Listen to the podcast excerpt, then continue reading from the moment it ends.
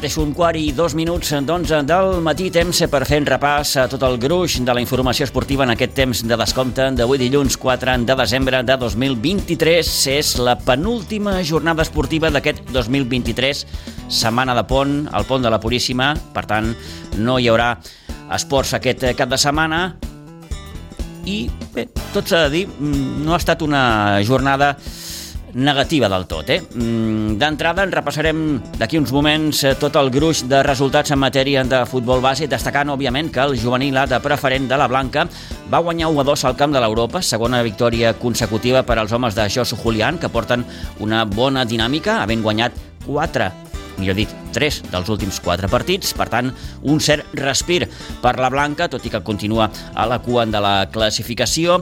Eh, en fi, una bona jornada en matèria de futbol base que repassarem d'aquí uns moments. A primera catalana, la Unió Esportiva Sitges, tot i les bones sensacions i les bones prestacions que va oferir el passat dissabte a Cornellà, va acabar perdent 2 a 1 en la seva visita eh, davant el líder, davant el Frenil de Fons. El conjunt de Cornellà, que va marcar molt, molt d'hora, va empatar Josele i acte seguit, com aquell que diu, el líder va tornar a marcar el gol que li va acabar donant aquesta victòria per 2 a 1 en un partit marcat també per un arbitratge mmm, d'aquella manera, civilí, que en diuen. Eh?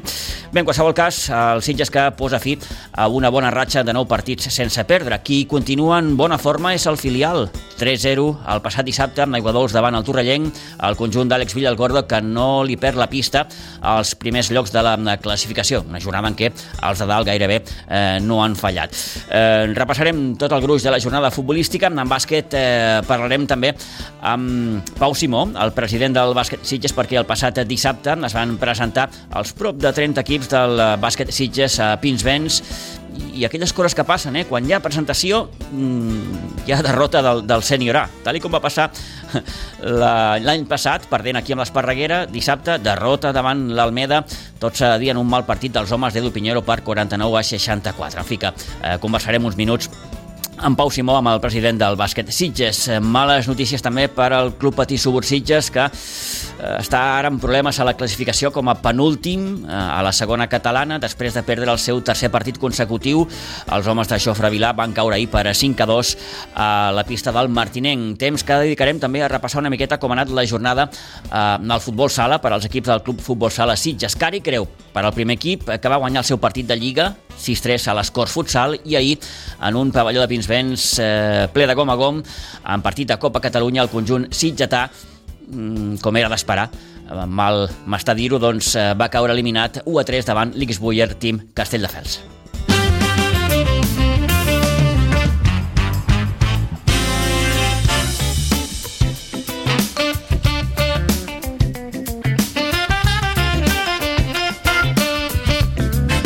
Vinga, doncs comencem a repassar ja amb aquesta jornada esportiva en matèria de futbol base. Ho hem comentat ara fa uns instants. A la preferent de juvenils, la Blanca que va tornar ahir cap a Sitges amb una molt bona victòria al camp de l'Europa, on els de Josu Julián es van imposar per 1 a 2. La Blanca, que ara mateix es troba sens dubte, en el seu millor moment després d'haver guanyat tres dels darrers quatre partits. Malgrat tot, els sitgetans segueixen a la cua de la classificació, però, mm, com, com, com es diu en aquests casos, amb millors sensacions i amb millors perspectives de cara al futur per tractar de sortir d'aquests llocs eh, de la cua de la classificació.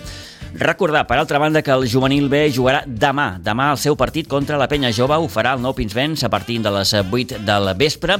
I de la jornada també eh, en destaquem per exemple, el partit que l'Aleví C Sub-12 va disputar aquest passat dissabte a la ciutat esportiva Joan Gamper. La Blanca va perdre 3 a 1 davant un Barça que el formen tot nenes i això que la Blanca va començar marcant el 0 a 1 al minut 12. Va ser l'entrenador, en Xavi Cabezas, alhora, com saben, responsable del futbol 7 a la Blanca, i el tenim al telèfon. Xavi Cabezas, bon dia, bona hora. Hola, molt bon dia, Pitu. Eh, què tal? Eh, molt bé, molt bé, moltes gràcies. Molt bé. Eh, com, com s'afronta un partit així, jugant contra el Barça, un equip format tot per nenes? Eh, bé, sense moltes diferències, no? Les noies mm. eh, són escollides, tenen un, tenen un gran nivell eh, tècnic de destreses eh, i són noies escollides i són noies que ja havien guanyat els seus rivals a, a la Lliga al seu camp per golejades importants, no? de 12 a 10, 8 gols, 9 gols al rival. Es nota que és un partit especial aquest pels nanos o no? Sí, sí, sí, és molt important. És molt important saber gestionar el, el neguit i els nervis que ells, que ells poden tenir d'inici, no? Uh, en aquest partit la, la vessant psicològica, Pitu, i psicosocial és molt important del mm. nano. Saber, saber gestionar i transformar els nervis, el neguit de jugar contra el Barça, uh, intentar intentar que sigui una activació i una, motiva, una motivació positiva, saps? Aconseguir que surtin al camp amb moltíssima confiança. No? Llavors jo, jo insisteixo molt sempre, eh, els hi vaig dir al vestidor que qualsevol errada d'execució decisional que tinguessin seria, corregi, seria corregida des de la banda amb, amb, amb, amb positivitat, sense crits, sense retrets, i, i donar-los moltíssima confiança. Per això és molt important, eh, Xavi. Mm -hmm. Tot i que entenc, Xavi, que no és fàcil, perquè, clar, cada jugador és un món. Evidentment, evidentment. Evidentment que és un món i cada jugador s'ha de, de gestionar d'una manera diferent però bueno, els tenia tots davant, jo havia de fer cohesió de grup i intentar que sortíssim eh, amb moltíssima confiança sobretot, no? sabent que era un partit molt difícil, eren noies que, que havien coneixet els rivals, eh, vam parlar dos tres consignes clares, Pitu, amb, amb les quatre fases del joc, ofensiva, defensiva i les transicions, va, està ben, ben estructurat sense pilota, està molt atensa a cobertures, consignes, per, permutes, i en pilota doncs, vam, jugar, vam saber jugar amb molt de criteri, vam jugar ràpid, buscant en fase 3 ja la porteria, a l'àrea, la veritat és que vam fer un molt bon partit. Mm -hmm. És difícil que en un partit així els, els nanos eh, acabin gaudint del, del, del mateix partit?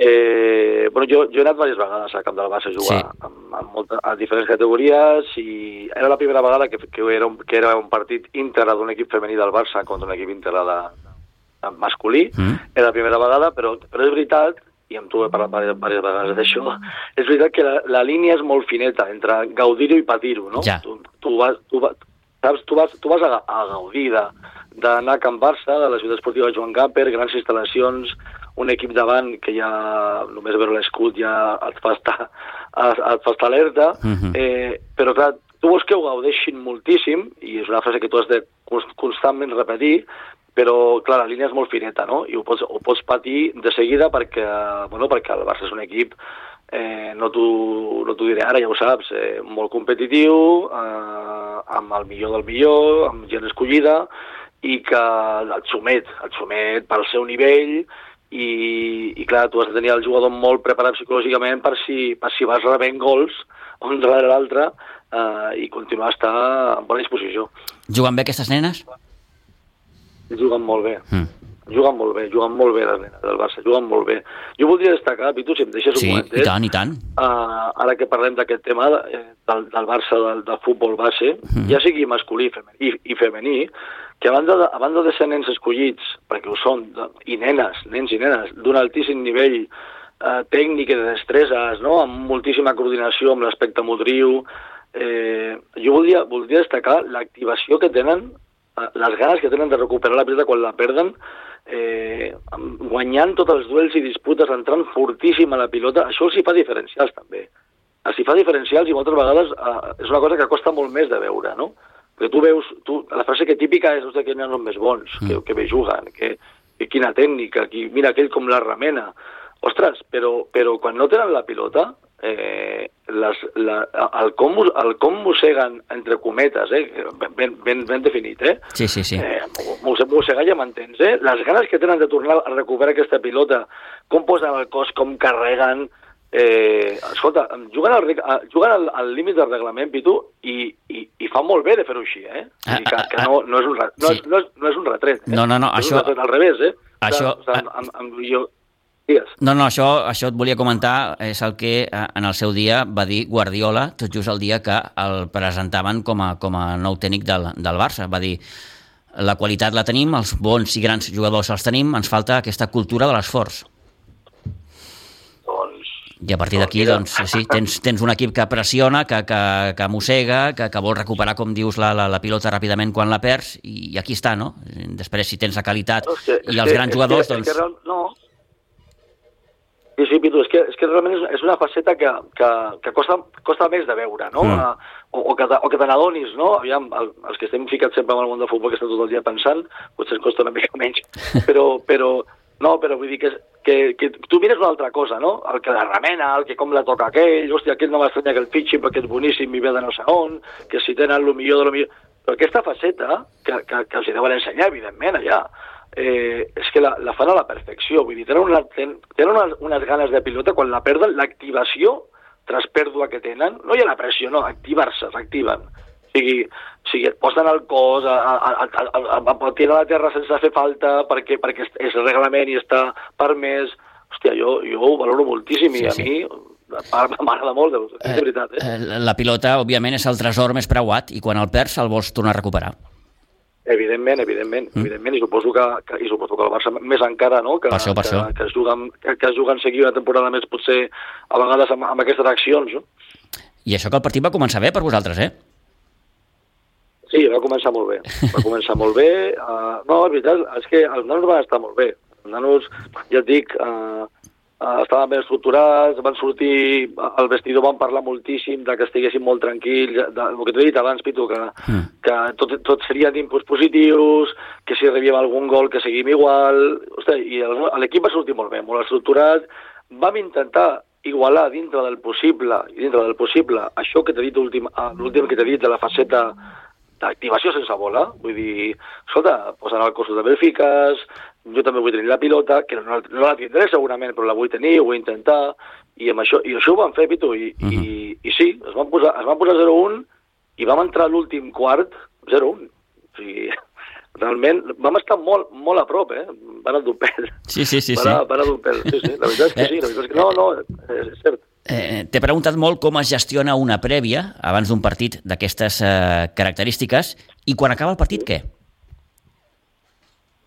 Quan acaba el partit eh, també hi ha una feina a fer, evidentment. Uh mhm. -huh. Tot depèn una miqueta de, de com ha anat el resultat, perquè és el que parlàvem, la pregunta teva d'abans, Pitu, uh, no?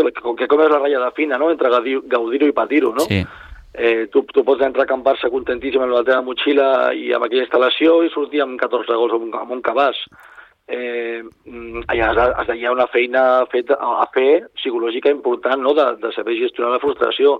En aquest cas, bueno, va ser diferent. Evidentment van sortir, van sortir una mica enrabiats perquè ho tenien a tocar, el, el, el, vull dir, el temps afegit va, es van fer el segon i el tercer, ho teníem a tocar realment, uh -huh. però, però jo estic molt content, Pitu, d'una cosa, és de com, des de la imatge de l'equip. Vull dir, vull, vull, vull destacar ara mateix el seu entrenador, l'Uri Gutiérrez, per la molt bona feina que està fent amb aquests nanos, perquè els nanos, per acceptar la derrota, tot i, la, tot els nervis, de, de, bueno, dels nervis, la frustració que t'han fet dos gols a l'afegit, el Barça que estaves a punt de, de fer-li cullerada, no? de, de, de, de treure-li dos punts o, de quasi guanyar-lo, no? I, i no haver-hi no haver ni joc agressiu, ni entrenadors a les temps, ni gent, ni nens eh, amb una paraulota per allà, perquè a vegades això t'ho trobes també a futbol base, eh? Uh -huh. T'ho trobes, t'ho trobes. Uh, la mala educació, el no saber perdre... Sí, sí, sí. Nosaltres vam donar, la, vam donar la mà, vam marxar d'allà, jo estic molt content de la imatge de la Blanca Subur. Uh -huh. Bé, et va tocar ser l'entrenador aquest dia, eh, perquè, com, com sí. molt bé apuntaves, Xavi, l'entrenador és l'Oriol Gutiérrez. Exacte, l'Uri Gutiérrez tenia partit amb el seu equip amb el Covelles a Cambrils, que uh -huh. li va anar molt bé també, estic molt content per ell, i, bueno, i, va, i li vaig substituir amb, bueno, amb ganes, evidentment. Uh -huh. Doncs eh, amb aquest resultat, amb aquest 3 a 1 i amb aquesta bona sensació que va oferir la Blanca, res, volíem preguntar-li al Xavi una miqueta com, com es va viure aquesta experiència que per als mm, nanos, doncs, home, ha de ser ha de ser bonic, una miqueta el que deia el Xavi, no? Visitar unes instal·lacions com les del Barça, tenir l'oportunitat de, de, de jugar contra, contra grans jugadors, en aquest cas contra grans jugadores, en fi, que és una experiència molt, molt maca de viure. Uh, Xavi, t'agraeixo aquests minuts. No, res, és un plaer. Gràcies, que vagi molt bé, bona feina. Vinga, i tu, una abraçada. Bon Gràcies, dia. Igualment.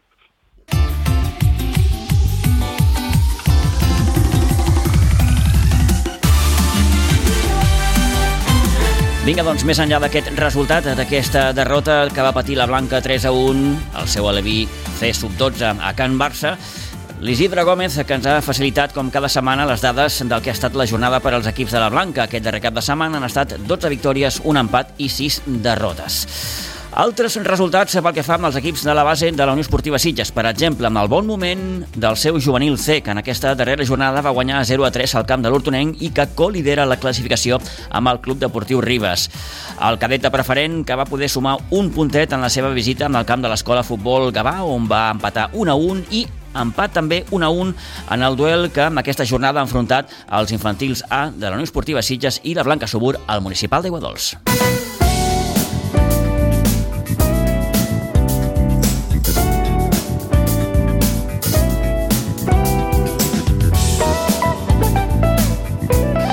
Dos quarts i dos minuts de 11 del matí. Mirem què ha passat a la primera catalana en aquest darrer cap de setmana. Bé, el Sanil de Fons va posar fi a aquesta bona ratxa que duia la Unió Esportiva Sitges amb els nou partits consecutius sense perdre dissabte passat a Cornellà. El líder es va acabar imposant 2 a 1 a un Sitges que no només va fer un bon partit, sinó que hauria pogut endur-se un millor resultat. Tot plegat, també s'ha de dir, ara ens ho comentarà Antoni, amb un arbitratge, com es diu en aquests casos, una miqueta allò civilí.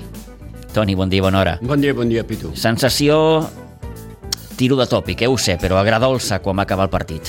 Sí, sí, sí, sí, perquè mm, jo penso que fins i tot l'aficionat d'ells mateixos eh, doncs ho veien ben clar. Potser doncs, el 2 a 1 era bastant injust, perquè el més just, el més just eh, hagués sigut com a mínim un empat pels Sitges. Deia Toni Salido abans del partit, hem d'anar allà i fer un bon paper. Paper I, ho van fer. I sí que el van fer, el bon paper.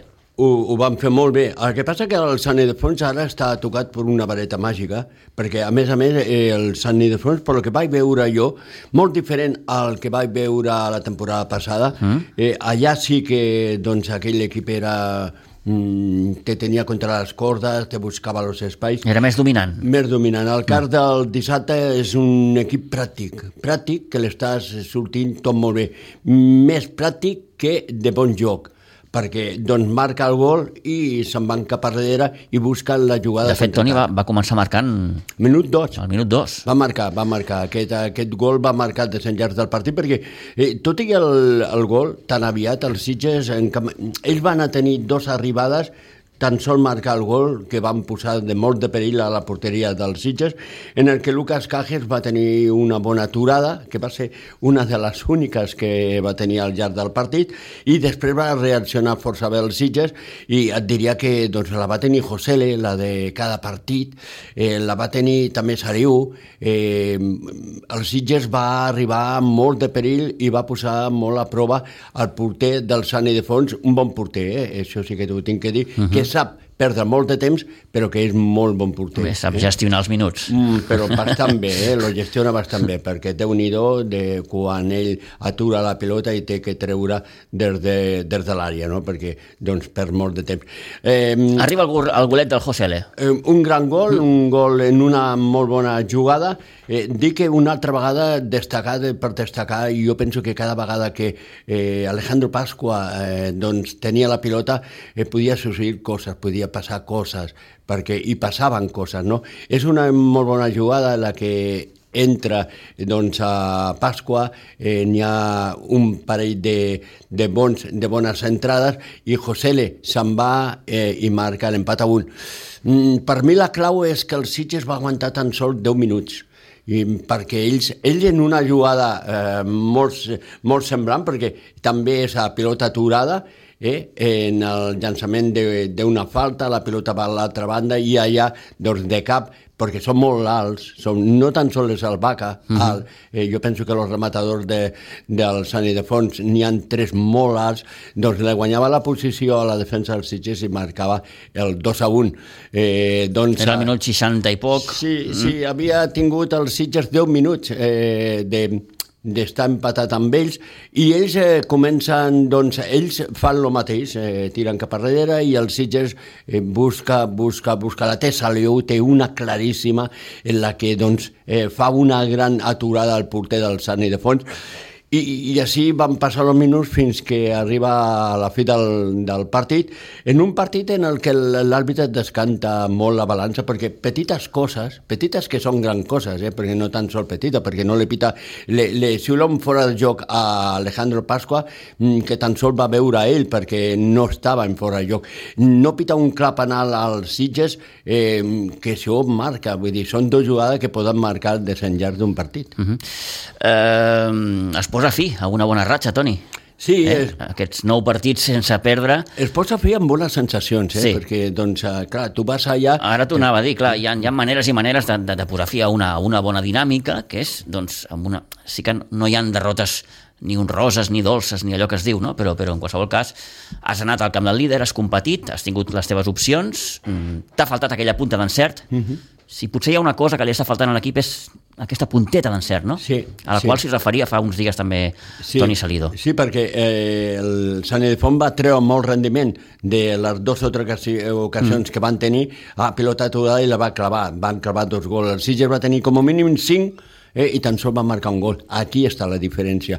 En un Sitges que per mi eh, va jugar molt en equip, jo penso que va ser un dels partits més seriosos que l'he vist jo als Sitges, eh, conjuntament el de la setmana passada, eh, i doncs eh, comencem a veure un Sitges eh, que coordina molt bé les jugades, que busca molt bé les bandes, eh, vaig veure un Sitges molt, molt dintre, dintre del partit, i l'únic que li va faltar és sort i acabar, com a mínim, eh, sumar un punt, com a mínim, eh, perquè s'havia merescut, es va mereixer guanyar els tres punts. Doncs aquesta mateixa sensació és la que tenia Toni Salido en acabar el partit de dissabte a Cornellà. Bueno, eh, sí, un poco la sensación agridulce. Eh, lo más justo posiblemente un empate o una victoria nuestra. Porque al final creo que el equipo está muy bien, sobre todo en la primera parte hemos sido muy dominadores del balón, llegando. Lo que pasa que bueno, no ha penalizado el primer, el primer córner que ha venido en el minuto uno, no lo hemos defendido bien y, y, ya empiezas el plan de partido lo empiezas un poquito mal. Pero bueno, ya sabíamos que esto podía pasar, que, que el 1-0, 0-0, 1-0-1, bueno, el plan de partido eh, estaba un poquito enfocado de esta manera eh, y creo que el equipo ha estado muy bien. Eh, hemos generado ocasiones, volvemos a estar en una dinámica que, generamos ocasiones claras para meter goles, que creo que es un punto donde, donde tendríamos que mejorar porque hubiésemos sacado muchos, bastantes puntos más, creo yo.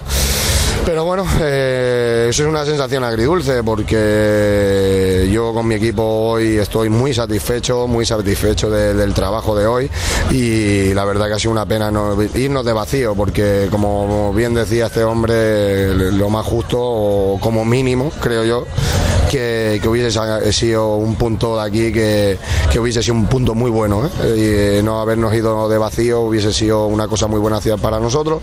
Pero estoy muy contento con el grupo, estoy muy contento porque hemos competido, hemos ido a buscar el, partido hasta el último minuto, hemos intentado de, empatarlo. Eh, la lástima que, bueno que no, nos han marcado muy pronto, creo que ahí teníamos que haber aguantado un poquito más el resultado. Pero bueno, eh, en una jugada por banda, un centro y no, nos han metido otra vez de cabeza, que creo que ah, es que han llegado tres veces. Dos, a balón parado, eh, tres cornes que han sacado, una que ha sacado Lucas y los dos goles. al final nosotros hemos hecho muchos méritos para, para sacar puntos de aquí, eh, una pena, ¿no? Pero bueno, eh, sigo estando contento porque la verdad que hoy se compite, se compite bien. Creo que es el mejor partido que hemos hecho con pelota desde que llevamos desde campeonato. Creo que con balón hemos estado muy bien, saliendo desde atrás, eh, teniendo el gran dominio del partido. La presión estábamos, hemos intentado de, hacer una presión en zona media, bien puestos, colocados para, para, para no salir y que nos dieran los, los, desplazamientos que es lo que buscan ellos con, vacas y ahí sí que son peligrosos cuando rompes el equipo que, vas a apretar arriba, ellos lo que buscan rápidamente es el golpeo en largo y ahí eso es lo que queríamos evitar. Eh, al final, eh, una lástima, creo que, me sabe mal decirlo, pero creo que, el arbitraje hoy nos perjudica, eh, nos perjudica bastante, pero bueno al final te tienes que quedar con el trabajo del equipo, con muchas cosas que se ha hecho bien, con, el grupo que, que, que, sigue, sigue insistiendo y al final este es el camino. A ver, tampoco, tampoco pasa absolutamente nada venir al campo el Sani y perder porque al final es un campo donde vienes al campo el líder, ya sabíamos que, que, aparte el campo este era muy difícil, pero creo que lo hemos hecho muy bien, eh, creo que hemos estado a un buen nivel, eh, volvemos a competir de tú a tú contra, contra todos los equipos de la categoría y eso es, es importante, eso es importante porque quiere decir de que, de que, de que puedes competir y puedes, y puedes ganar partidos y a la prueba está, al final una racha de nueve jornadas eh, sin, sin perder era, una auténtica locura porque, porque era muy difícil, tarde o temprano tenía que venir esto, pero bueno, ya que ha venido la derrota, pues prefiero palmar de esta manera, dando la cara, siendo creo que superiores, creo que siendo mejores, creo que, que nos ha falta un poquito de eficacia y en momentos puntuales eh, el árbitro haber acertado un poquito más, porque creo que eh, en la primera parte creo que es la que, que, que Pascua un fuera de juego donde yo, lo protesto mucho porque yo estoy justamente en línea que se queda absolutamente solo con una pared de José eh, después una falta clara que, no le pita en el borde del área a Pascua cuando ya estaba preparado para, para, para chutar. Un penalti a mar que, que, es otra de las cosas que tengo que ver por imágenes porque para mí es clarísimo. Eh, cuando gana la posición y está a punto de chutar eh, no, y creo que son decisiones donde no, nos han marcado eh, nuestra contra pero bueno, esto es fútbol eh, y ellos también se equivocan, como, nos equivocamos los míster, como nos equivocamos los jugadores, pero sí que es verdad que, es una pena salir de vacío, porque creo que es bastante injusto salir de vacío hoy. Pero nada, ahora a disfrutar de, la, cena que, nos proporciona la Junta y el club, pasar un buen rato.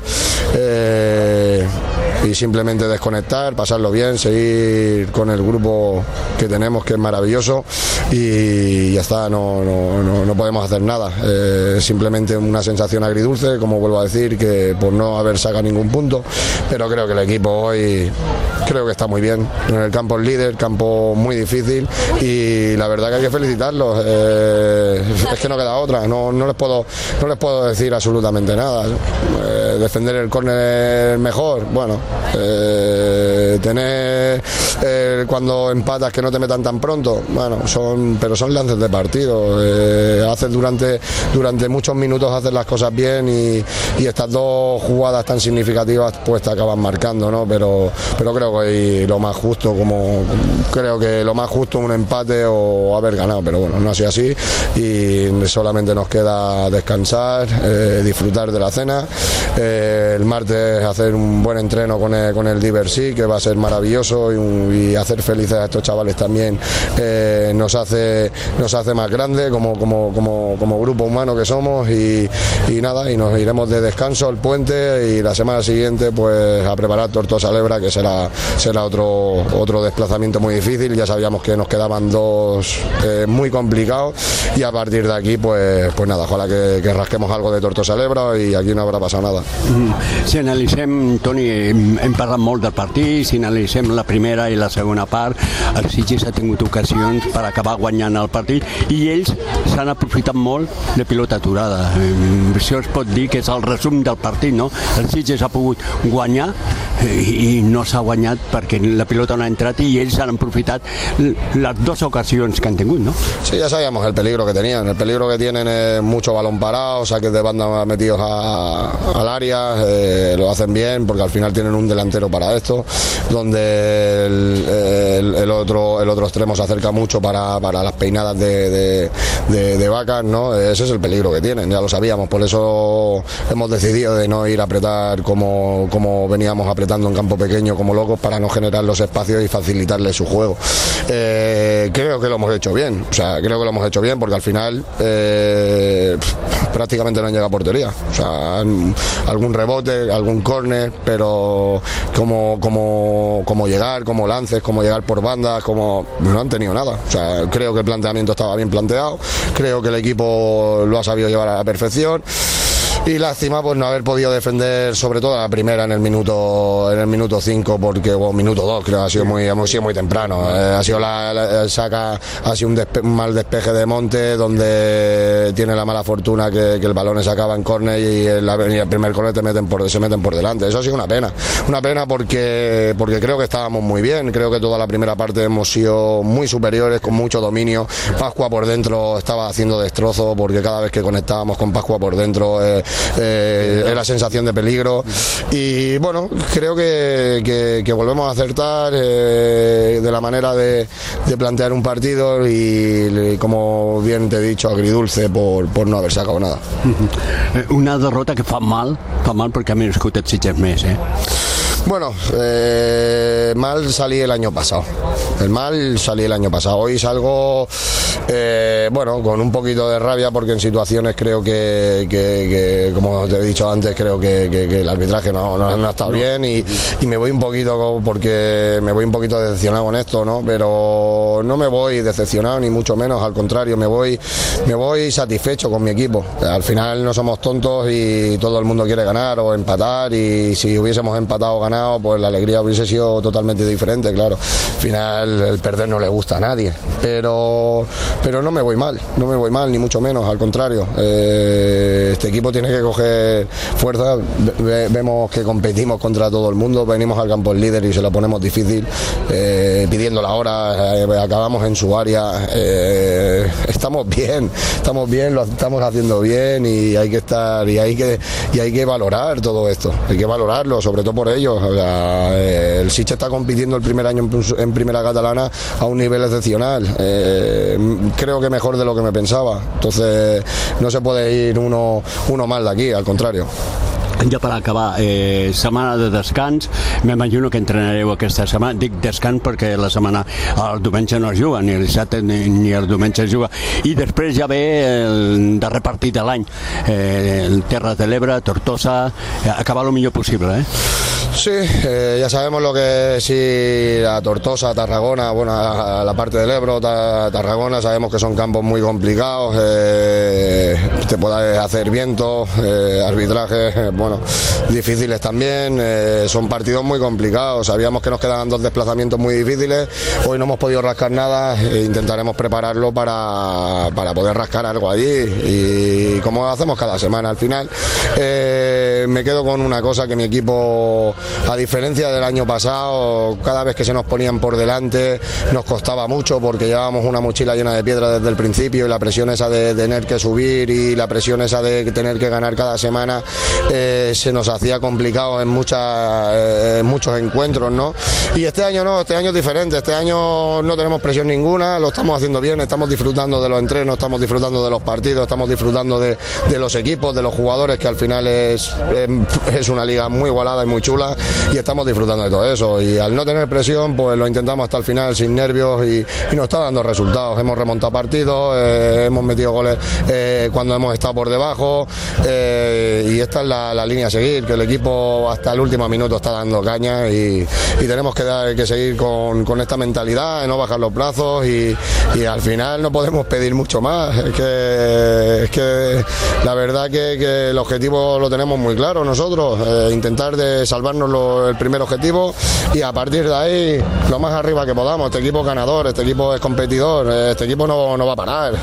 Este equipo va a pelear cada semana contra el primero y contra el último y, al final eh, ya veremos dónde nos ponen. Ojalá llegáramos a Semana Santa como estamos ahora, a una disposición de que estás ahí a 7 puntos, 6 puntos, 5 puntos del líder, ojalá ya firmaba yo esto. Entonces, de momento estamos bien eh, y hay que seguir que esta semana? Sí, bueno, el martes haremos un entreno con el Diversit, con, nuestro equipo, bueno, con nuestro equipo Rey, y haremos un equipo, un entreno mezclado eh, junto con ellos y solamente eh, queremos hacerlos felices, ellos se lo pasan muy bien con nosotros, el año pasado ya lo hicimos y cuando haces felices a otras personas, pues eso también eh, te, te, llena, te dice qué clase de personas somos y es importante importante eh, ser un poco solidario y hacer felices a, a, otras personas, ¿no? Y creo que ellos se lo merecen mucho, vienen,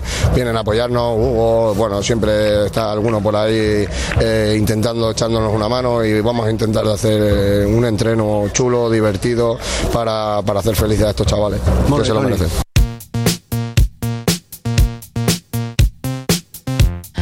Doncs, com apuntava el mateix Toni Salido, aquesta setmana toca entrenament amb els companys del Diversit, que s'ho passaran de conya, mai millor dit, eh? Sí, sí. I, i, I bé, a pensar ja eh, amb aquest parèntesi, òbviament, de, del pont de la Puríssima en, en el proper partit, el que tancarà aquest 2023. Un bon any, sens dubte, per aquest Sitges, eh, que, com, com indica el seu propi tècnic, està competint i a un bon nivell eh, a tota una primera catalana. Sí, sí, sí, eh, ha estat un bon any, un equip que va aconseguir l'ascens eh, aquest any, i tant de bo l'any que ve sigui com aquest any, no?, pels Sitges, perquè jo penso que seria, doncs, a la guinda del pastís, no?, si continués aquesta línia. No? Una jornada, Toni, en què, vaja, els de dalt no van fallar, victòria del Vilanova 3 a 1 davant el Sant Feliuenc amb un especial protagonista, Billy, que va sí. ser l'autor del, dels tres gols del, del conjunt de Xavi Vilagut a la Fundació Leti Vilafranca, que es va imposar 0 a 1 al Gornal, victòria també del Tortosa Ebre, 0 a 2 a Sarrià, el proper rival dels Sitges, victòria també del Martorell 0 a 2 al Catllà i l'Atlètic Sant Just, que es va imposar 2 a 1 al Prat B. Això vol dir efectes de classificació que el Sanil de Fons mana 27 punts, segon Vilanova 26, Martorell tercer 24, Atlètic Sant Just 23 i Tortosa Ebre 19. Trobem els Sitges a la sisena posició, també amb 19 punts. Tanquen aquesta taula del grup tercer de primera catalana, el Catllà amb 9 punts, el Morell amb 8 i el Sarrià amb 6.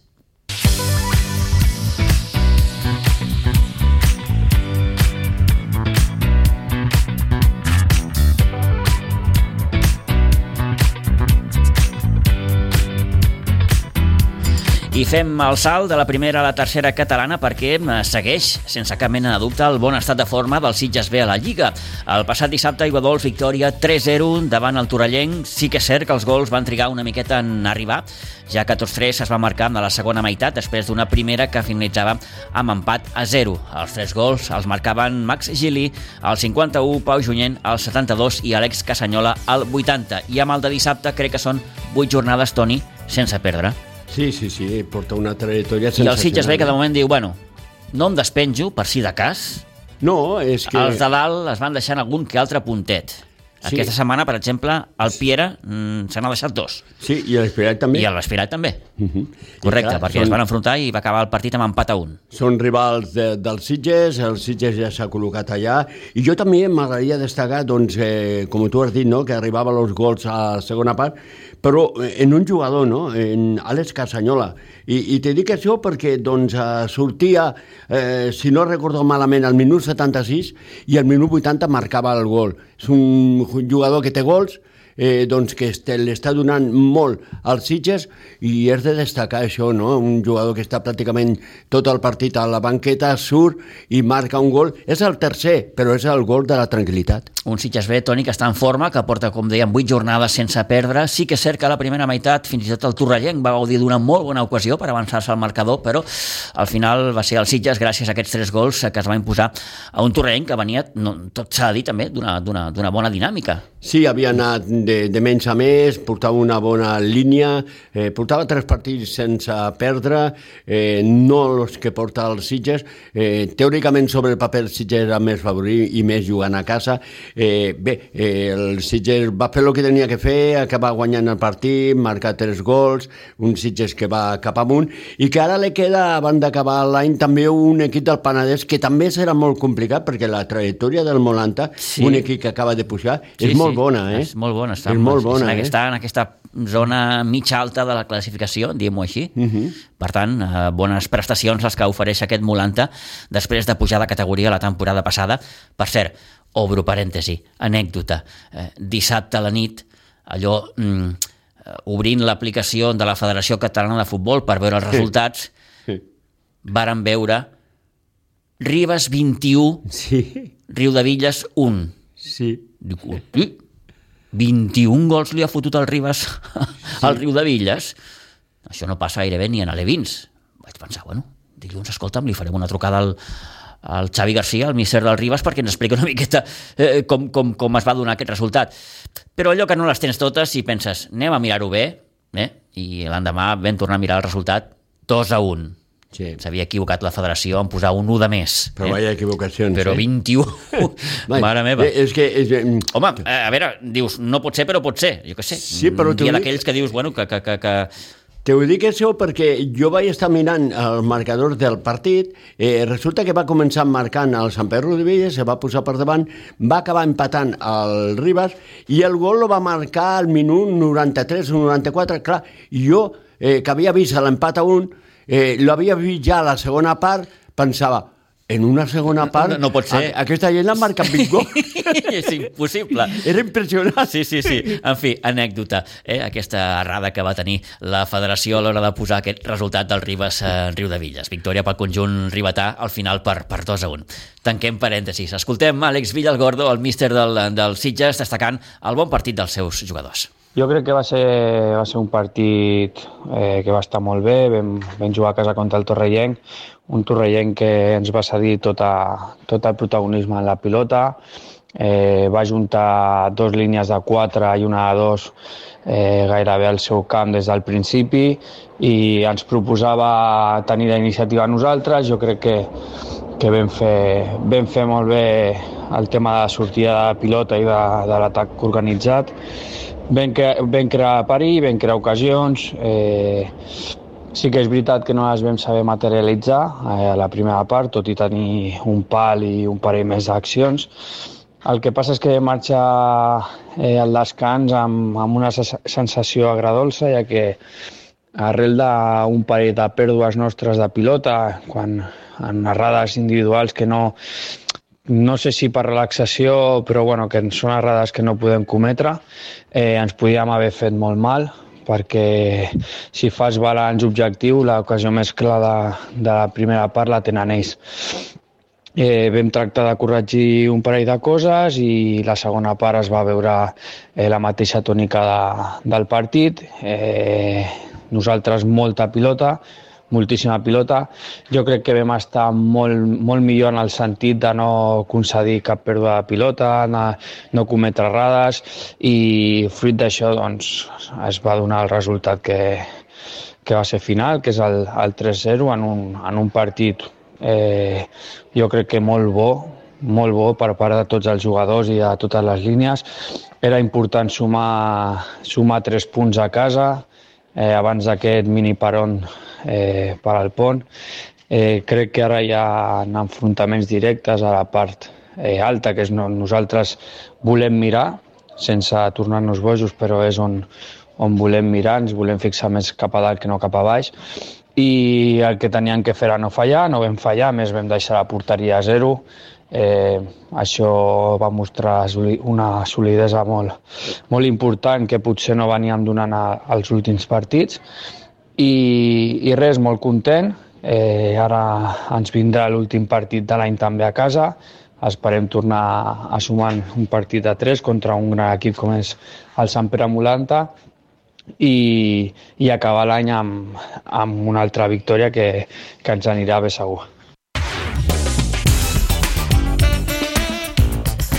Doncs efectivament, el dissabte dia 16 de desembre, darrer partit de l'any per aquest Sitges B, rebent el Sant Pere Molanta municipal d'Aigua Dols en aquesta dotzena jornada que bé, no, no ha dut grans canvis a la classificació. Sí, destacaria un Toni, i és que el Fàtima s'ha posat segon. Sí, sí, sí, s'ha posat... Ja està allà. Sí, ja està, ja. És que, mm, teòricament... Es movia entre el tercer, quart, cinquè, pam, pam, pam, pam, pam, i el tens allà. Ja ho tens allà. Sí, sí, sí, empatat a punts amb el Piera, tot s'ha de dir. Ribes 31 punts, Fàtima i Piera 29, vas aspirar 28, el Sitges B ara mateix és cinquè, té 22 punts. Sí, un Sitges que, doncs, uh, deixant de banda les primeres jornades, no?, eh, ha anat de, de menys a més eh, i ara està en el seu moment, no? I a més a més l'equip està jugant un bon futbol aquí al municipal i això és molt important. Eh, bones sensacions també per al Canyelles, que ocupa ara mateix la setena plaça, té 21 punts, un menys que el Sitges B, el Canyelles que eh, va guanyar el camp de les eh, Cabanyes. Eh, L'Olivella, que a poc a poc també es va recuperant, ja suma 12 punts, el conjunt d'Idris Díbols va fer un 0 a 2 al camp del Can Cartró i problemes per la penya jove que mm, va encaixar una nova derrota 5 a 0 contra el Sant Pere Molanta. Eh, ho tindrà, tindrà molt complicat, eh, salvar la categoria. Jo estava mirant la classificació, ja el tercer el tercer ja li treu 6 punts. Eh? I, mm, sí, sí. Mm, estem parlant de encara no ha acabat la, la primera volta, queden unes quantes jornades. Queda molt de competició, però cada vegada ja són més punts i això ja és més complicat. Mm -hmm. Les 11, deixem el futbol, anem cap al bàsquet.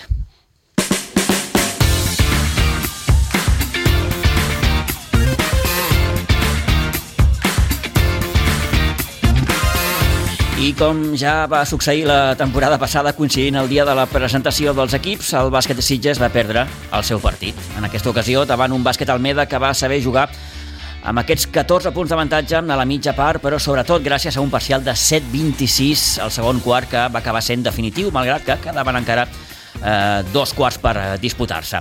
I és que després d'un primer parcial favorable de 18 a 13, el bàsquet Sitges va anar, mm, com, es diu en aquests casos, de més a menys. 25-39 al descans i tot i que va haver una tímida reacció amb un 14 a 13 al tercer període, les sensacions no eren gens bones. Desencert, males passades, eh, males decisions i un Almeda que, vaja, li sortia gairebé tot. Al final, 49-64 i tercera derrota de la temporada i a intentar, com, com també es diu en aquests casos, passar pàgina en aquesta setmana de pont. El proper partit, recordem, no serà fins al proper 16 de desembre a la pista de l'Esparreguera. Un partit eh, gran també en majúscules per acabar i per tancar amb aquest 2023. Del partit de dissabte, amb el jugador de l'Almeda, Marc Pérez, fou el màxim anotador del maig, amb 19 punts, i en aquest apartat van destacar, per exemple, els 13 i els 12 punts que van anotar l'Uri Camproví i l'Àngel Miguel Sanz, respectivament. Un cop acabat el partit i també feta ja la presentació dels equips, van poder parlar una estoneta amb Edu Pinheiro, lamentant, òbviament, aquesta derrota, però content en veure tot el que envolta a dia d'avui el bàsquet i Sitges amb els seus prop de 30 equips. Bueno, Edu, bona tarda. Bona tarda.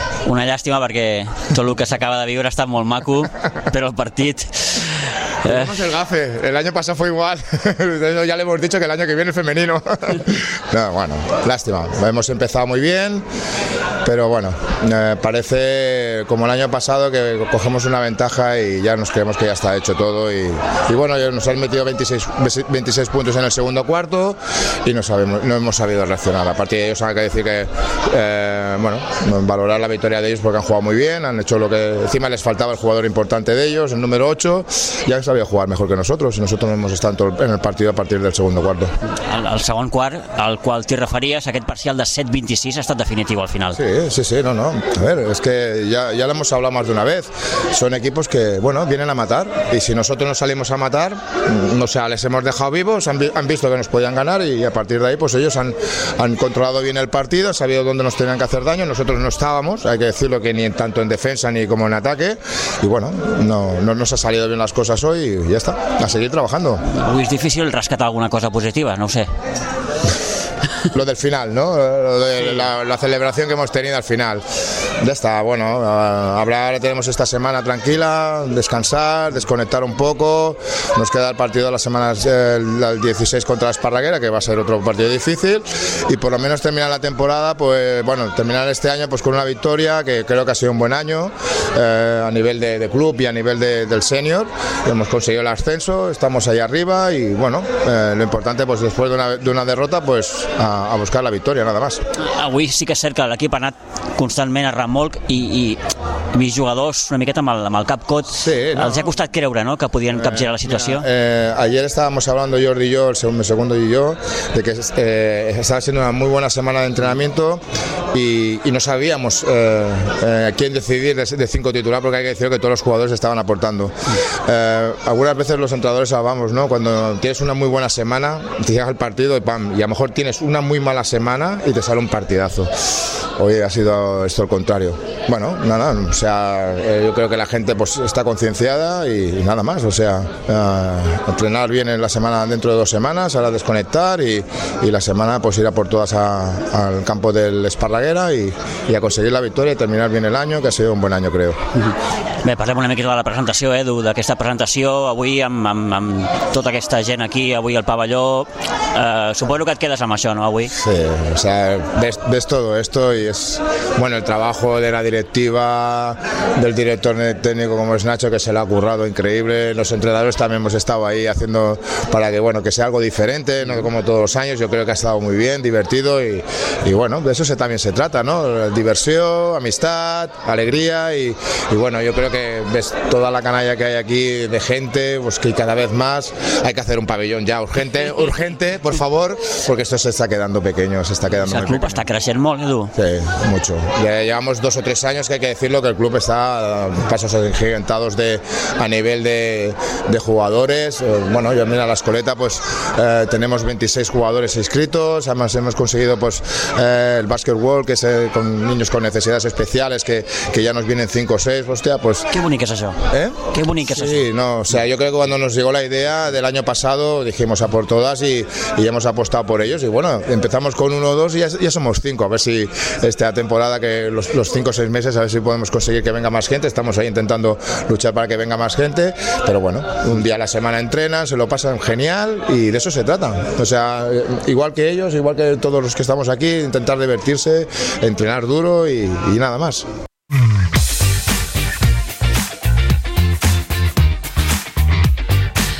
Bé, sort com apuntava Edu Pinheiro, que després de la derrota va es va viure un bon moment amb, amb tot el que va donar de si aquesta presentació. Enguany, doncs bé, una miqueta diferent al que es feia cada any, amb, bé, amb, amb, incorporant alguns balls, alguns eh, shows eh, amb, amb molta llum, en fi, una coseta diferent per gaudir doncs, d'aquesta bona jornada de bàsquet, repeteixo, tot i aquesta derrota del, del, del primer equip. Tenim el Pau Simó, el president del bàsquet de Sitges, al telèfon i el saludem. Pau Simó, bon dia, bona hora. Hola, bon dia, Eh, Pitu. eh, L'any que ve no sé com ho hem de fer això, però mm, que el sènior no jugui el dia de la presentació o no sé, és que no sé, no, no, no se m'acut ara... No ho sé, no ho sé, no ho sé. Vull dir, nosaltres triem el dia, no ens fixem qui hi ha, i després si diem ajustem els horaris per poder fer la presentació, bueno, eh, crec que així ja portem quatre anys, però Sí. bueno, Uh -huh. què farem? No, no passa res. No, òbviament, digue-li casualitat, queda, eh? Queda Bàsica- molta lliga, queda Sí. molta lliga. Sí, sí, sí, sí, però ja és curiós, eh? També, és curiós, és curiós. Mhm. No, i a més aquest any, vull dir, és, és el que ha dit l'Edu, vull dir, si no arriba a ser pel segon quart, eh, vull dir, guanyàvem el partit, vull dir, perquè els altres tres quarts, eh, crec recordar, així, vull dir que el tanteig és favorable a nosaltres. Uh. -huh. Doncs aquest segon quart, que anaven, hi va haver un marcador de 7 a 26, doncs va, va ser ja el definitiu. Sí, sí, i al final aquest, aquesta derrota, que és tot just la tercera de la temporada, eh, tot i això, doncs bé, l'equip està, està bé, està, està competint a un bon nivell en aquesta primera categoria i, i bé, queda molta, molt, molt de campionat, tot i que, òbviament, el partit d'Esparreguera també és d'aquells exigents. també és dels exigents, però bueno, vull dir, hem de confiar. Bueno, jo confio molt amb els jugadors i, i, i també amb l'equip tècnic que, que els porta. Vull dir, bueno, i va fer pues, lo que, lo que... Jo el que dic sempre és que disfrutin amb el joc i que facin allò que ells saben fer. Si els hi surt bé, perquè esclar, vull dir, a vegades eh, intentes fer-ho, però... No surten les coses. El, di el, Mhm. el dia no surten les coses. Mhm. Eh, Vull dir, guanyaran, ara, però vull dir, eh, han de posar tota la seva, tot de la seva part. Eh, Em sembla, Pau, que t'ho vaig preguntar una de les últimes ocasions que, que, que, que vàrem poder parlar. Creus que ara mateix, a dia d'avui, el, el bàsquet de Sitges viu el seu millor moment com a club? Com a club, sí. sí. Vull dir, tant per número com per eh, on estan competint cada un de, dels equips. Vale? Vull dir, com a número, bueno, ja s'ha- van dir 27, estem a prop dels 30 equips. Vull dir, i bueno, jo crec que mai, mai havíem arribat amb aquests números. Contem amb 450 esportistes, vale? eh, federats, vull dir que són molts, són molts. Uh -huh. Vale? I, bueno, I aquest és el treball del dia a dia eh, sobretot dels coordinadors, que són els que porten eh, tots eh, els equips, eh, i, bueno, i també dels entrenadors que compleixen i ho fan molt bé. Deixa'm eh, comentar, doncs, òbviament, a banda d'aquest creixement del club, amb aquests prop de 30 equips, enguany aquesta iniciativa que du a terme el bàsquet Sitges i és que el club està treballant en poder tenir un equip inclusiu. De moment, segons ens apuntava el propi Edu Pinheiro, ja hi ha uns cinc nens que entrenen els dilluns al Benaprés amb aquests dos monitors. Eh, és bonic sí. això, Pau. Molt, molt bonic, mm. molt bonic. Vull dir, ens va vindre la idea, evidentment vull dir, s'ha de dir, que nosaltres hi pensàvem, però allò que sempre tens una mica de mandra, però va vindre la mare d'un nen eh, que també, eh, la, la, vull dir, el germà eh, ja juga a, a, amb un equip, no sé si és el cadet, uh -huh. eh, i va proposar eh, d'això. Ens va semblar bé, perquè també ho havíem pensat, i vam dir, bueno, ja tirem endavant. Vam començar amb dos, dos fios, ara en portem ja cinc, bueno, i espero que a poc a poc, quan eh, de, bé, de boca a boca vagi escampant-se per, per Sitges, jo crec que s'hi anirà més gent. Molt bé. Eh, veu estar una bona estona parlant amb el regidor Jaume Monasterio. Home, home eh, les nostres peticions de sempre són més instal·lacions, no? vull dir, a nivell de, de poble, eh? vull dir, sí, sí. Eh, i evidentment també nosaltres ens sortim afavorits. Això és una de les coses, reivindicacions que portem ja fa molt temps, però molt temps, eh? i bueno, i actualment ja suposo que saps, vull dir que nosaltres, eh, amb el creixement que hem tingut, eh, actualment estem utilitzant a part del pavelló que es comparteix eh, amb altres entitats, uh -huh. vull dir, anem al Miguel Utrillo, anem a l'Institut del Benaprés eh, i també aquest any anirem a l'Escola Agnès, aquí a, bueno, a l'Escola Agnès. Sí, sí, sí. Eh? De moment dos dies. És que si no, és que hi ha equips que entrenen menys de lo que tindrien que entrenar. ¿vale? I què fem? Sí. I lo eh... fumut, i lo fumut és quan, quan plou, quan plou, vull dir que llavors sí que ja no els pots col·locar enlloc. Moltes vegades sí, els col·loquem al pavelló, sol utilitzem mitja pista, però bueno, els exercicis eh, no, no, no es poden fer tal com se tindrien que fer. Uh -huh. Però no podem fer res més. Eh, anava a dir, Pau, potser haureu de tenir una mica de paciència, eh? perquè, bueno, més de la que ja teniu, perquè em sembla que això del pavelló va una miqueta per llarg. A veure, un pavelló a Sitges eh, i posant davant eh, el camp de futbol, mm. eh, eh, anem per 4 o 5 anys. Això si realment se posen a fer la feina. Sí, sí. De 4 o 5 anys. Ara, hi ha una altra cosa que també ens, ens, ajuda, ens ajudaria. Vull dir que es pogués cobrir eh, l'escola Miguel Trillo. Aquesta és la intenció, també. Pistes, les tres pistes que hi ha de bàsquet que es poguessin cobrir. Uh -huh. Evidentment que nosaltres ens beneficiaríem, però evidentment també el que és l'escola eh, també se'n beneficia, perquè els dies que fa molta calor, que actualment no poden sortir al pati, o els dies que plou, que no poden sortir al pati, allò es podrien sortir també. Vale? Vull dir que no sols beneficiem nosaltres o altres entitats, sinó que també els mateixos alumnes de l'escola se'n poden beneficiar. Aquesta, eh, mentre no arribi l'altre, sí, jo sí. crec que aquesta és urgent. És urgent, però clar, ja fa 12 anys que en parlem d'això. I, I costa tant, 12 anys. Jo alguna vegada he pensat, ostres, eh, com se fan eh, perquè els hi durin tant, eh, tant la feina, tant temps la feina, perquè si fa 12 anys ja en començàvem a parlar eh, hi ha un projecte de fa 12 anys, eh, encara no s'hi han posat. Bé, sens dubte aquest ara mateix és el gran dèficit que continua tenint Sitges, problema d'instal·lacions esportives. Com a club, Pau, ho dèiem fa uns moments, el bàsquet de Sitges viu, vaja, probablement un dels seus millors moments en quant a nombre de jugadors, més de 400 federats, eh, òbviament, hi ha aquest eh, problema d'encaix eh, i d'intentar quadrar sí. horaris d'entrenaments, que això també és un mal de cap gairebé diari per tota la gent que treballa al club, però en qualsevol cas, bé... Mm... Perquè tinc present, vull dir, tu mm. tens fet eh, els quadrants, aquests nanos van allà al minutil, no sé què, no sé quantes. Plou. Apa, eh, rectifiqueu tot. Sí, sí, s'ha de refer tot, tots sí. puguin, eh, alguns segur que es queden que no poden entrenar, però per almenys intentar que la majoria dels equips puguin entrenar. Vale? Vull dir, és un mal de cap, és un mal de cap. Uh -huh. Però bueno, Sí, sí. aquí estem. Aquí, aquí s'està, aquí s'està. Eh, amb, Ah, i després, i després també hi ha un altre problema, vull dir, eh, els dissabtes, eh, quan eh, totes les pistes estan ocupades, tinc present que nosaltres fem eh, cada dissabte, cada dissabte, 12 partits. No? La quantitat de gent que ve a Sitges eh, i després tampoc trobem per poder aparcar. Per exemple, jo ahir, el dissabte, vaig anar al pavelló al voltant de les 10, vale? uh -huh. i no vaig poder aparcar. Vaig tindre que aparcar lluny. Vale?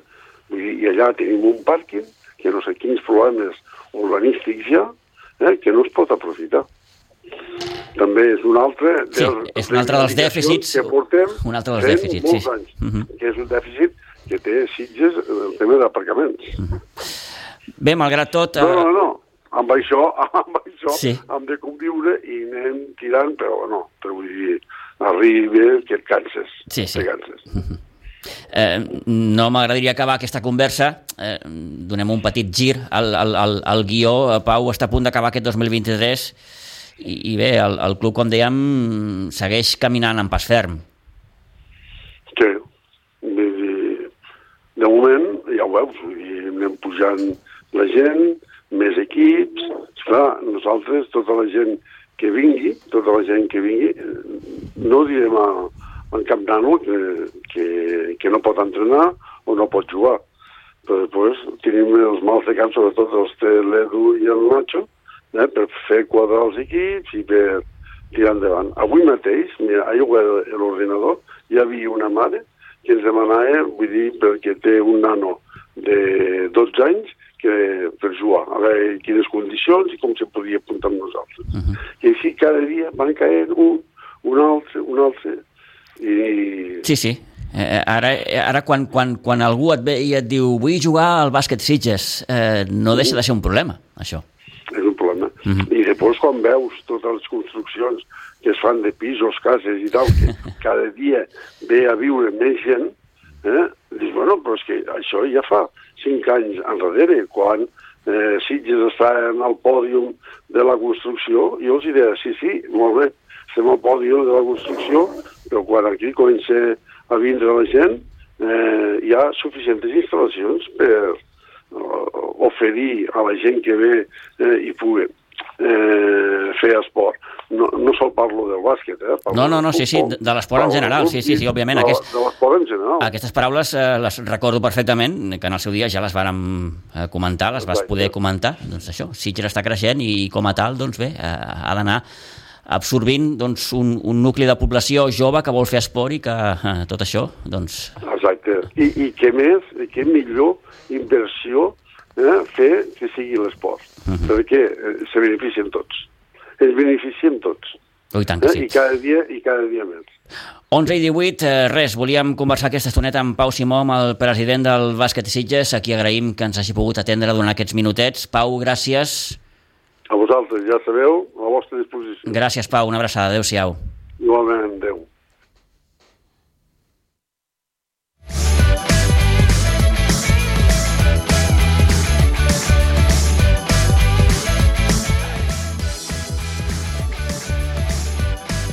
Vinga, després d'aquesta conversa amb Pau Simó, destacar també que en el derbi de bàsquet femení que es eh, va jugar ahir al vespre a Vilanova, el sènior femení del bàsquet Sitges va sumar el seu novè triomf en guanyar de 23 al nou bàsquet Vilanova, 40-63.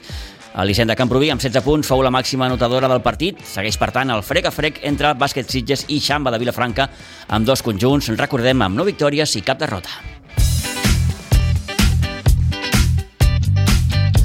En hoquei patins, nova derrota del Club Patí Subursitges, la tercera consecutiva després de perdre ahir per 5 a 2 a la pista del Martinenc, on els gols sitgetans van arribar de la mà d'Isaac Martínez i d'Albert del Río.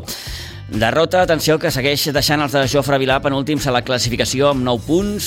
La sensació doncs, que ara mateix l'equip està passant pel seu pitjor moment, tres derrotes consecutives aquesta setmana. Eh, recordem, descans pel pont. La setmana que ve el Club Patí Subursitges té doble compromís. El dia 13, dimecres, rebrà el Vilafranca aquí a Pinsbens i el dia 16 jugarà a la pista de l'Horta.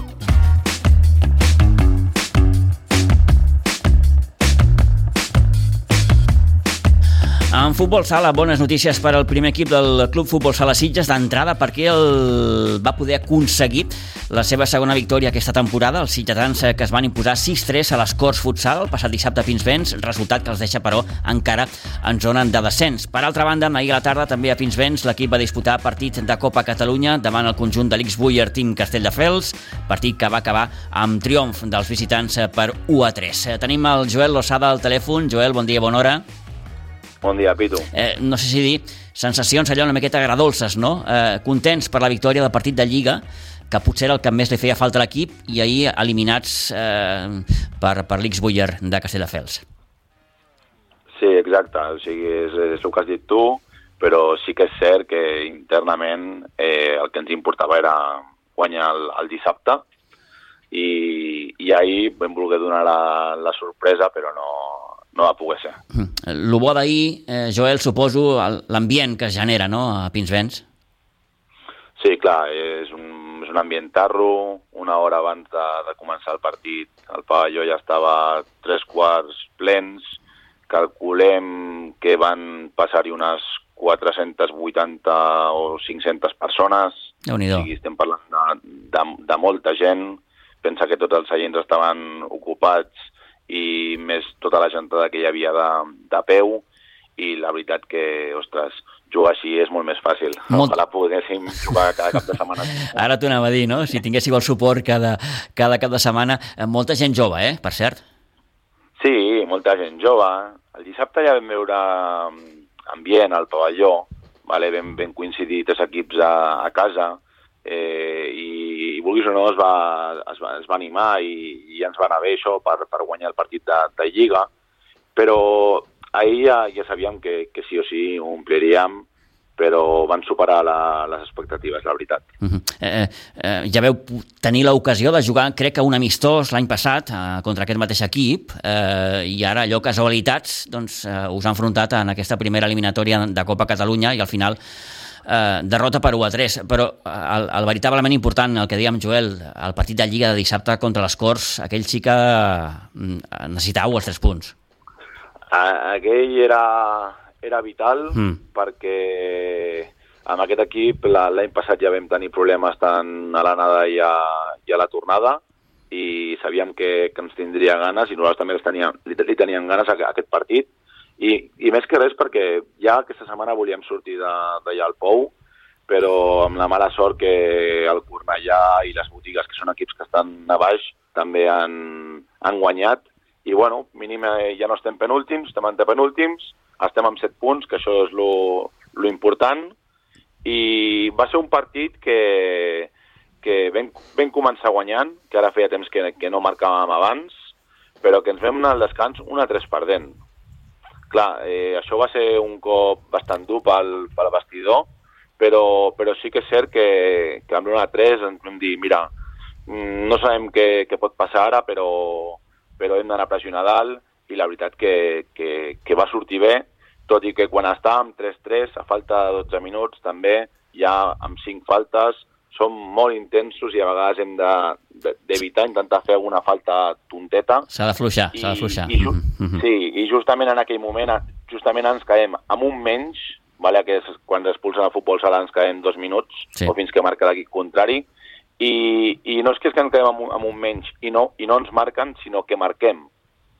Saps? Jugant amb un, amb un menys és quan marquem. I això sí que ja ens va donar el, eh, el, que, el que ens faltava per, per, per remuntar el partit i, i, i va anar molt bé, la veritat. Molt Aquest- contents per, per l'equip i, i també per, per, per el que vaig veure després de, de l'acabar el partit, la- la- l'alegria, la il·lusió, o sigui, veia un equip una miqueta apagat i es es va encendre una... s'ha encès com una flama, que això és el que hem d'intentar que, que, que no s'apagui mai, saps aquesta il·lusió? I tant, i tant. Escolta'm, eh, sí que ara, veient el calendari, us toca jugar contra el líder, crec, no? Sí, exacte. Aquesta setmana no, no juguem Sí. amb, el, amb el pont i la setmana vinent anem a camp del, del Gavà, que és el, que és el líder. No sé si hauríeu preferit un altre rival que no fos el líder, no? Ara que, que, que veniu precisament de guanyar, o, o com ho veus?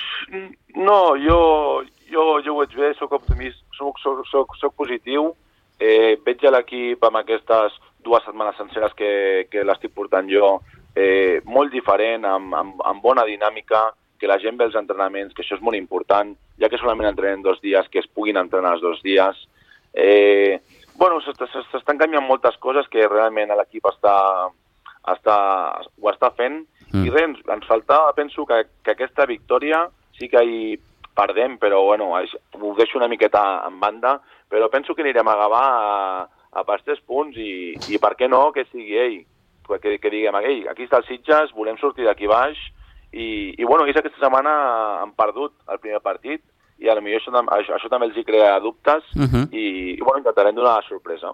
Més enllà d'aquests resultats, eh, Joel, eh, com ha anat la jornada pel que fa als equips del, del futbol sala Sitges? Eh, D'entrada, destacar la, la, la segona victòria del femení, que va guanyar 2 a 1 a Vallirana.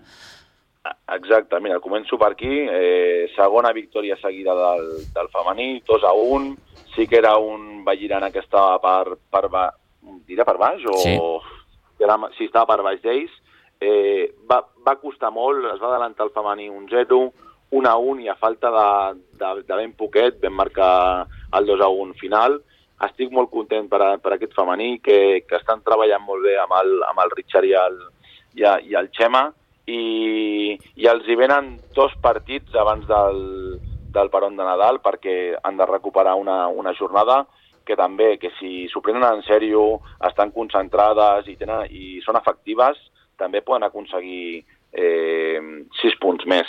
I si no, mínim, eh, això que ha passat ara, que feia molt de temps que, que amb aquest equip no, no els hi passava, ja que l'any passat van fer, bueno, van tenir mala sort i, i no, no, no van tenir un, un bon any Mhm. i me n'alegro molt per, per elles. D'acord, bé, doncs... Mm, Per, lo- per lo que fa la, la, La resta. la jornada, a l'infantil descansava aquesta setmana i tenim tres victòries, que és del cadet B que guanya... Eh, ai, perdó, del, del cadet A que guanya 3-2 contra el Vilatorrada, eh, la del femení i la del primer que, que hem comentat, i tenim l'empat eh, 3 a 3 del cadet B contra, contra el Vicentí. Mhm. O sigui que força bé i estem bastant contents com ha anat la, la jornada. Doncs eh, ara intentar desconnectar una miqueta amb aquest pont del, del desembre i ja afrontar la darrera jornada abans del parèntesi nadalenc. Joel, gràcies per haver-nos atès una vegada més, que vagi molt bé i bé, enhorabona per aquests bons resultats.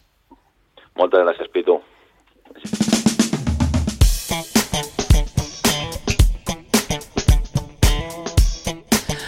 Acostant-nos al punt de dos quarts de 12 del matí, recta final d'aquest temps de descompte per repassar encara uns quants resultats més. En rugby, repassem els resultats dels equips del Rugby Club Sitges que han jugat aquest cap de setmana. Només s'ha pogut guanyar el sub-18 en el seu partit al camp de l'INEF de Lleida, on es va aconseguir el triomf per 12-27, derrotes dels dos equips sub-16, el sub-16A que va perdre 88 a 5 contra el Buc i el B 72-19 davant el CAT Central. Per últim, i en partit ajornat, el sub-14 blau va perdre 76 a 10 davant el Gòtics. I acabem amb els resultats d'hoquei herba, una bona jornada per als equips del Sitges Hockey Club que han disputat els seus partits aquest darrer cap de setmana. Victòria del segona femení 1 a 2 davant l'Egara, victòria també de l'infantil femení 2-0 davant el línia 22 i triomf de l'Aleví femení per 3-0 davant el Castell de Fels. L'única derrota la va patir l'equip benjamí que va perdre 3-0 amb l'Iluro de Mataró. 11 i gairebé 29 minuts del matí. Fins aquí el repàs, el que ha donat de si aquesta jornada esportiva, la penúltima d'aquest 2023. Toni, moltíssimes gràcies, eh, que vagi molt bé, eh, bona setmana i tornem amb més esports la setmana que ve.